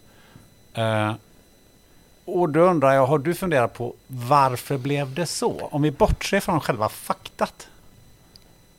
Men det känns ju som om, om det bara inom citationstecken igen. Det är svårt att säga det när man är i radio, annars gör man ju bara tecknen ja, med fingrarna. Ja, tecknen med fingrarna. Ja. Citationstecken. Citationstecken, ja. Um, jo, men om, om det hade handlat om varför skrev jag fel? Så, så känns det som att då hade jag ändå haft en möjlighet att ja, redogöra för det. Och det var fel. Och, och ta straffet för det och betala böterna för det. Punkt. Och så hade man sen kunnat fundera över hur går jag vidare nu då? Men så, dels så blev det ju så att den rättsliga utredningen då, eftersom ju åklagarkammaren hade en del annat att göra också, den drog ju ut på tiden enormt mycket. Det tog ju nio eller tio månader innan så att säga, det rättsliga var över. Och det var ju en vidrig tid bara det. Att eh, sitta på de här förhören och då började allt om i media igen. Så fort någonting hände på åklagarkammaren så blev det nya löpsedlar. Men sen fanns det ju någonting under ytan som inte jag förstod från början. Att det var en, liksom en sägen om att eh, jag var på väg att skilja mig från min man som jag har varit gift med i 40 år. Och att det bostaden livvakten skulle ha, det var egentligen var det han och jag som skulle flytta ihop tillsammans, att vi hade en affär ihop. Och jag började förstå det först när alltså etablerade journalister började liksom skriva om Ska du inte tala ut?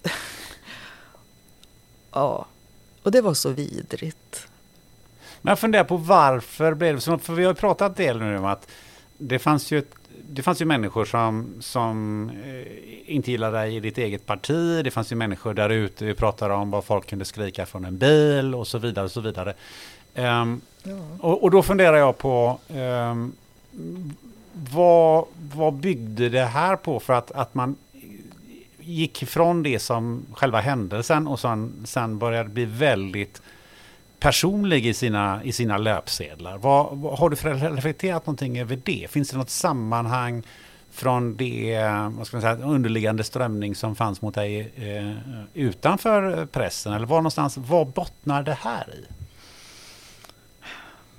Ja, dels så kan man väl säga att en del tyckte då att jag får skylla mig själv därför att jag har varit så väldigt personlig i, i saker och ting utåtriktad. Eh, och då får man liksom då får man ta att man också blir personlig åt andra hållet. Eh, alltså det fanns en löpsedelsförmåga hos mig och med mitt namn. Att det var lätt att göra löpsedlar på och så hade det ju varit i, i väldigt, väldigt många år. Eh, och sen är det ju någonting med, återigen, med, med en kvinna som anställer en livvakt, en snygg chilenare. Var det inte någonting mer i det? Alltså, det är någonting som gör att den frågan, att folk tyckte att den var naturlig att ställa, som provocerar mig något oerhört. Som har varit lyckligt gift och eh, att bara plötsligt behöva behöva känna att du måste hitta sätt för att förklara att det där ryktet, det är skvaller.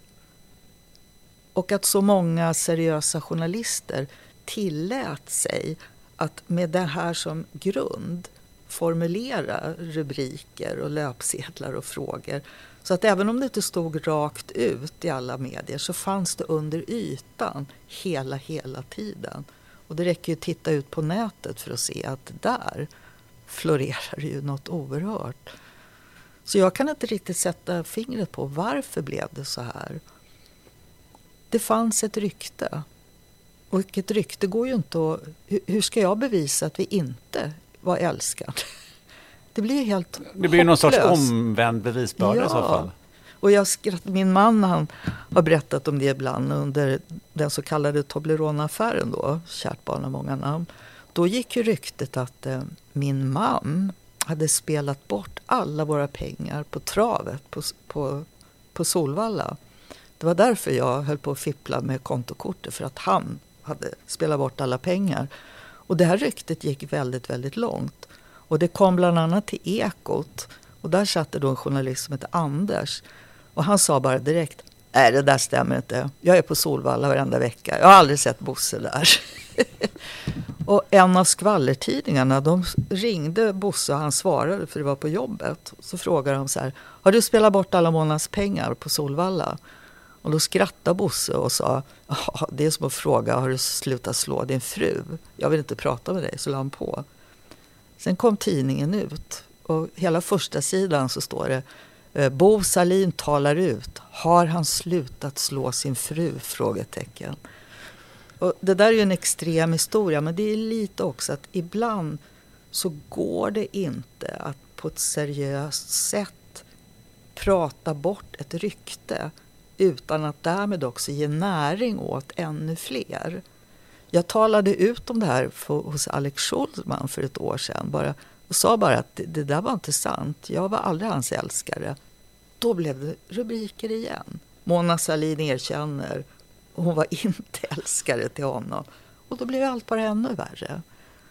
Så att det där personliga rykten är väldigt svåra att någonsin liksom bemöta. Och varför ska jag ens behöva bemöta ett helt orimligt, osant rykte som ju inte bara förstörde så mycket av mitt liv utan också min livvakts liv. Jag menar, jag hade gift honom, varit vigselförrättare när han gifte sig och kände hans fru och barn.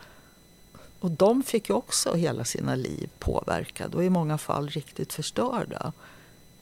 Och det är så vidrigt och är, är det än idag. Det kanske du märker på mig. Jag blir, ja, jag blir så himla ledsen fortfarande. Men vad, vad gör man? För att ju mer du, som du säger, ju mer du förnekar ryktet desto mer blir det jagat. Då, då, då, vad fick du göra? Gå och gömma dig eller vad gjorde ja, du? Ja men ärligt talat, det, det jag gjorde var ju jag bröt ihop. Jag gick in i en eh, djup depression. Och väntade alldeles för länge med att söka hjälp. Jag var tyst i fyra år. Jag pratade inte med en journalist. Jag avgick från allt. Jag gömde mig hemma. Fick kämpa länge för att ens liksom våga gå ut på gatan. För när man är deprimerad på det sättet så blir också verkligheten väldigt förvrängd. Jag kunde vara ute och gå en helt vanlig dag och se två personer som stod och pratade med varandra mitt emot på andra sidan gatan. Och jag blev övertygad om att de pratade skit om mig.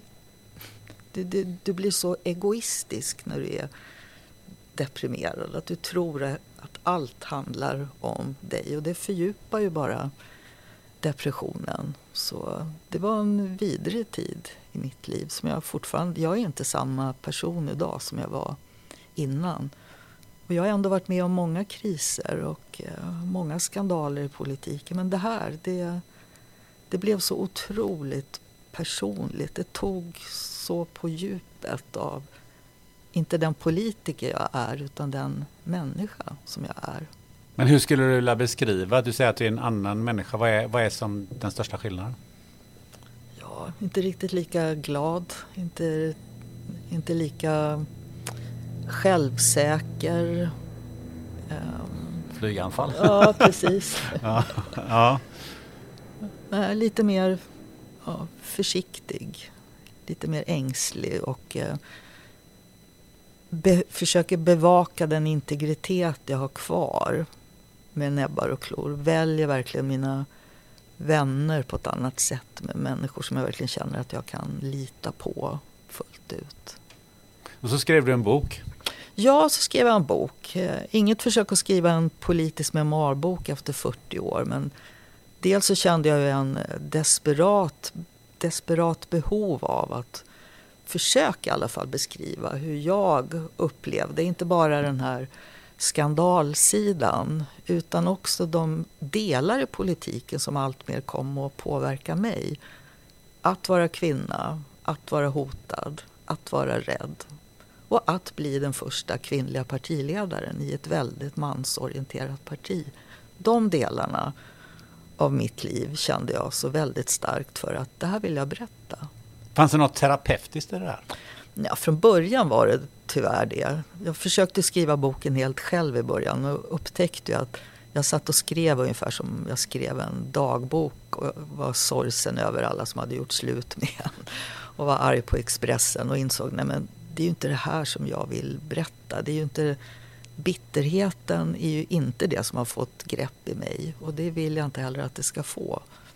Så till slut träffade jag ju Henrik Jonsson och kände att han kan hjälpa mig att skriva. Du eh, fick ju göra rätt många intervjuer i höstas eh, i samband med att den här boken kom ut. Eh, hur upplevde du dem? Ja, dels så efter fyra år utan att gett någon intervju så var jag ju enormt nervös och orolig. Men också väldigt bestämd över att ger jag ut en bok så måste jag också våga prata om den. Även med kritiska journalister. Så det var ju liksom inget att välja på. Ehm, men det var jobbigt. Det var väldigt olika erfarenheter tycker jag som jag fick där. För en del av frågorna var ju verkligen bara runt livvakten och den historien. Eh, och andra var något nyfikna också på det jag skriver om. Politiken och synen på makt och hur makt förändrar människor. Så eh, det var en jobbig men nödvändig period att ta sig igenom de här veckorna efter boken kom. En personlig reflektion eh, som jag gör, jag har ju ändå sett ett, eller lyssnat på ett antal av de här intervjuerna. Ehm, det är att man ställer väldigt mycket samma frågor som man ställde fyra år tidigare. Mm. Exakt Vad är din det. egen reflektion kring ja, det? Men det var ju det jobbiga. Att det var som om ingenting hade hänt efter att eh, skandalen uppdagades. Att eh, de där fyra åren och ja, man var tillbaka så att säga. Fyra år tillbaka. Ingenting annat hade förändrats i livet. Det var, det var en märklig känsla.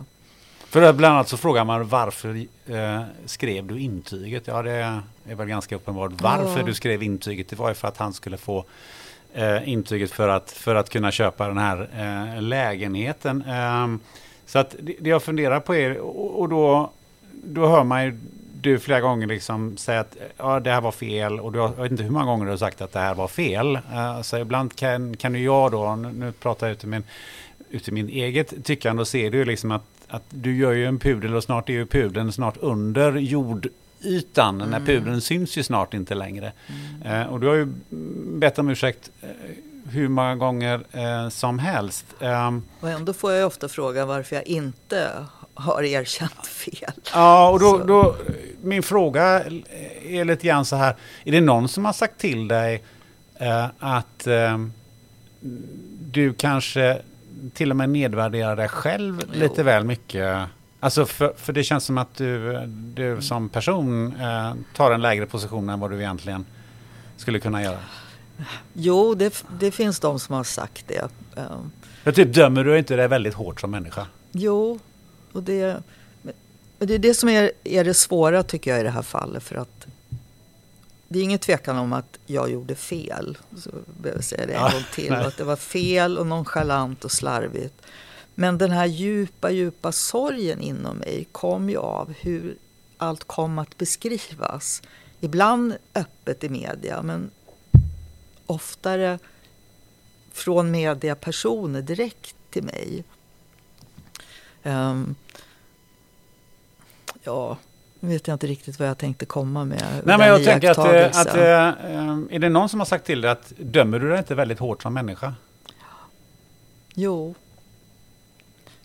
det, det gjorde jag nog. Um, för, för, en sak är att du dömer dig för det du har gjort eller du dömer ja. dig som, som politiker. Men finns det inte en skillnad mellan, mellan sak och person? Här? Jo, men det jag vill försöka förklara är ändå hur, hur jag har mått inombords. Att det, det spelade också roll för eh, på det sätt som jag ville erkänna bara för att få bort allt också. Jo, det här var fel. Jo, jag har gjort det här. Jo, för att överhuvudtaget erkänna ett eget existensberättigande för mig.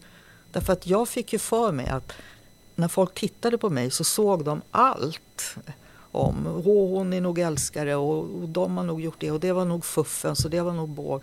Det var som om hela jag gick runt och var en enda stor skandal som alla tittade på. Det här erkännandet kan man nästan säga att det var en sorts överlevnadsstrategi. Ja, exakt. Tack för ordet. Så var det. Och ändå blev det ju så att när boken väl var skriven och jag hade tagit mig igenom alla de här intervjuerna med Skavlan och Expressen inte minst. Då var det gjort. Och först efter det så kunde jag börja formulera mitt eget sätt att vara och mitt eget sätt att leva och vad jag själv ville göra och inte göra. Jag försökte beskriva det i boken. Det är som om man har en våg inombords. Där liksom det, det offentliga och det privata.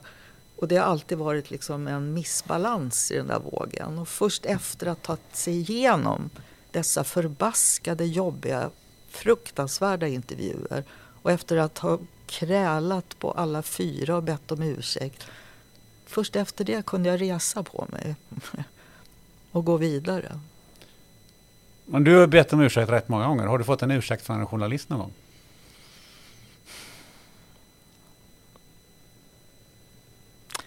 Eh, ja, en, en journalist. Men aldrig fått en ursäkt i att den personen skrev i, i just den tidningen. Men eh, jag fick en ursäkt till mig som person. Ja, en gång. Vad säger det om den sidan tycker du? Jag tycker det är en irriterande och ganska farlig sida ändå. Jag tycker det vore så naturligt att också medier i en sån här liksom skandalreportage där det ena läggs på det andra och en historia växer plötsligt upp till någonting helt annat. Så borde också media för, som en överlevnadsstrategi också efteråt titta vad gjorde vi? Vad gjorde andra? Vad blev fel? Varför blev det så här? Hur ska vi göra nästa gång? Eftersom detta med att betrakta personerna kommer att bli så otroligt mycket större del av den politiska granskningen än vad jag tror egentligen är hälsosamt för någon. Så jag skulle önska att media oftare vågade självkritiskt granska både sitt eget agerande och andra mediers agerande. Tänk om Aftonbladet kollade på Expressen och var med och kritiserade och TT tittade på DN. Alltså att man gör det till en del av det journalistiska uppdraget att också offentligt granska. Jag vet att de gör det internt väldigt mycket. Men att vara med och visa för oss tittare och lyssnare och läsare att man lär sig av sina misstag också inom journalistiken. För det gör vi verkligen som människor varje dag. Du, en av dina, eh, några av dina slut, slutord i den här eh, boken är citat. Man kan inte använda sina tillkortakommanden eller livssorger som försvar. Men man kan genom att eh, lättare för, eh, genom, nej, men man kan genom dem lättare förstå andra människor. Och genom andra kan man förstå sig själv. Mm. Um, på vad sätt har du lättare att förstå andra människor genom det som du har, har upplevt? Ja, tillkortakommanden kan ju vara att tro att du är osårbar. Att du bara kan vandra fram genom livet utan att någonsin erkänna att något är tungt, svårt eller att du har gjort fel. Um, och det gör ju också att jag i alla fall betraktar eh, artiklar på ett annat sätt idag. Om det står något hemskt om någon person så läser jag den där artikeln fyra gånger och försöker gå in och titta på andra ställen innan jag dömer någon eh, för vad den personen har gjort eller inte. Och sen är det också så att jobbiga saker du är med i livet, om du delar med dig av dem så är det ju inte bara så att du hjälper dig själv utan också andra. Jag förlorade ett barn för många år sedan. Och eh, jag minns att jag då några veckor innan hade läst en artikel med en familj som hade förlorat ett litet barn. Och jag minns hur jag läste den och tänkte, hur, det går ju inte att leva. Hur överlevde de? Och när jag själv sen satt och förlorade en son så kom jag ihåg den artikeln och gick tillbaka till den. Och det gav mig lite mer mod och kraft. Ja, och då vill man ju dela med sig av det tillbaka till andra.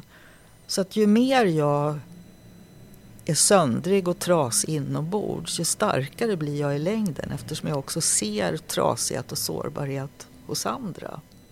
Så att det har blivit en livsfilosofi för mig lite behåll det som är verkligen personligt hos dig själv. Men dela med dig så mycket du kan och orkar till andra. Därför att det i längden stärker dig själv. Men hur har du lyckats att förstå dig själv så att säga i, eh, när du tittar tillbaka på det här? Har det hjälpt dig att förstå dig själv på ett annorlunda sätt? Ser du på dig själv på ett annorlunda sätt idag? Jag ser ju hur eh, otäckt kaxig och självsäker jag har varit. Att, eh, jag ser att jag inte har förstått hur mycket makt kan förändra. Och har förändrat också mig genom att ta den för självklar att glida in i ett rum och tycka det är jättehäftigt att alla tittar på dig. Att du alltid liksom blir, alla förhåller sig till dig. Att makten har korrumperat också mig till att hantera den eh, väl vårdslöst. Eh, och därmed också låtit det påverka dig själv.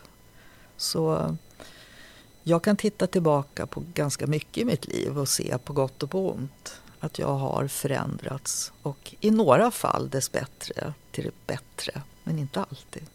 Inte alltid? Nej.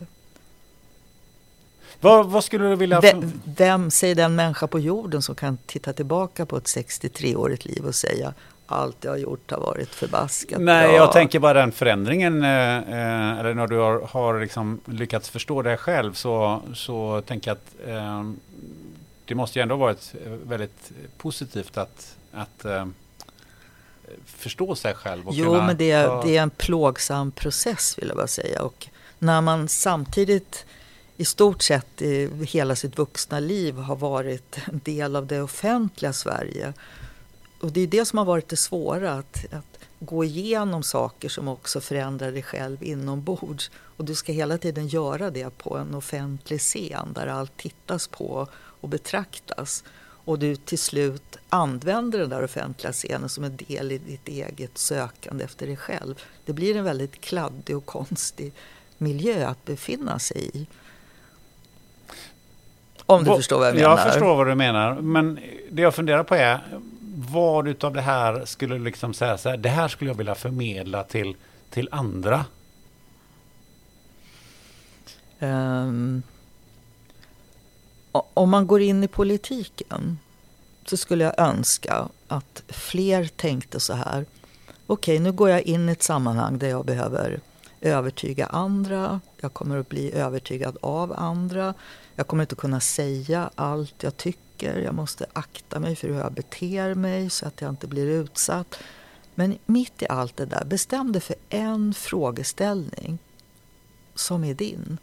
Som du inte tänker ändra dig på som du inte tänker kompromissa en enda sekund på. Det här är din själ, det här är det du finns i politiken för. Och så våga kompromissa med det andra. Eh, jag skulle önska att fler liksom tänkte den tanken att det kommer att komma en stund där du kanske måste avgå därför att du inte fick igenom den där frågan som var din egen. Men gå då. Du får inte kompromissa bort det som verkligen är eh, stammen och grunden och roten i, i dig själv. Eh, var modig. Men är inte det någonting som man också skulle kunna ta med sig även om man inte är i politiken? Jo, absolut. Jag bara menar att eftersom jag har varit i politiken så länge så är det här den erfarenhet jag liksom har förstått mer och mer. Ibland så hyllar man ju det här med samarbete över blockgränsen och konsensus och vara lite lagom. Och det är ofta något som tjänar så att säga, Sverige och, och vår politiska eller samhällssystem över, överhuvudtaget. Men det som fattas är ju ofta att man, man själv så att säga hittar vad man grundar sitt eget eh, livsverk på. Eller sin egen identitet på. Och det har man nytta av var man än tar vägen i livet. Att kompromissar man för mycket med det man själv står för då har man förstört mycket av sig själv och det är inte värt det. Det tycker jag var en, ett eh, fantastiskt bra slutord på den här, eh, eh, det här samtalet. Reflektion, vad tyckte du om det här? Alltså, sådana här samtal tycker jag om. Ja, och eh, du märker ju själv hur även jag som tycker så många saker funderar rätt mycket inför svaren på många av dina frågor. Därför att det är det jag saknar så också i politiken. Att kunna sitta så här med en Jimmy Åkesson eller med en Ulf Kristersson.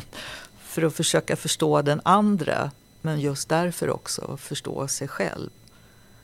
Så vi får väl göra om riksdagsdebatterna i framtiden. Så du, du kommer dit och så har, kör du tre timmars samtal med var och en av partiledarna i direktsändning ett helt dygn. Det vore bra.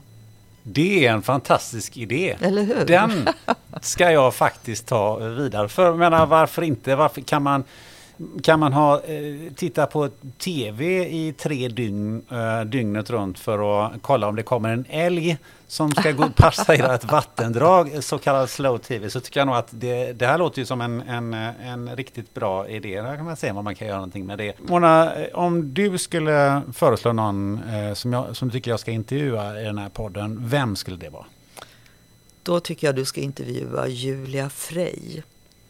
Eh, en av de bästa rösterna i Sverige. Både åsiktsmässigt och musikaliskt. Eh, och en eh, som har kämpat med sitt eget på många, många sätt. Hon har lärt mig enormt mycket bara genom att lyssna på hennes musik. Men hon kan prata också.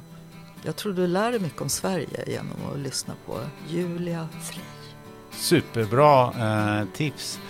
Eh, sen brukar jag ju alltid fråga gästen om man kan eh, följa dig eller komma i kontakt med dig. Och det, det kanske, jag vet inte om man ska ställa den frågan till dig för att eh, ehm, du eh, finns ju inte i sociala medier som, som de flesta andra, kanske av, av eh, förståeliga skäl. ja, jag orkade inte riktigt hålla på att redigera bort alla galna rasister. Nej. Nej men då, då får man, eh, man kan mejla mig. Mm. Hur mejlar man det då? Då mejlar man på msalin4 gmail.com. Och om jag är på riktigt gott humör så svarar jag. Mm, det gjorde du när jag mejlade dig. Eh, om inte annat så kan man ju faktiskt läsa din bok. Ja, tack för den påminnelsen. Mm. Den är faktiskt, ja den är värd att läsa. Det är ett dokument om Sverige idag på gott och på ont. Så, ja. Kan hålla med. Jag har läst den två gånger. Kul. Tack Mona Salin eh, för att du vill vara med i den här podden. Tack så mycket Gunnar. Det var kul. Precis när vi skulle börja intervjun så frågade jag om det var okej okay om vårt samtal skulle ta upp emot två timmar. Två timmar, sa Mona Salin. Det låter väldigt långt. Okej, okay, men du får bryta när det är tråkigt, sa jag. När vi var klara så frågade Mona hur länge höll vi på? Nästan två timmar, svarade jag. Va? Jag trodde det hade gått en trekvart. Hoppas du gillade vårt samtal och kanske har fått en mer nyanserad bild av Mona Sahlin än bara en chokladbit. Nästa gång då? Ja, då kommer Heaven Bereket som är specialist på kryptovalutor. Vi kommer ta oss från Iggesund via bitcoins in i djupaste Afrika och tillbaka. Missa inte det. Till dess, ja, du gör det som följer. Lägg dig i soffan med en vän och fundera hur många Toblerone du får för en bitcoin. Ha det gött!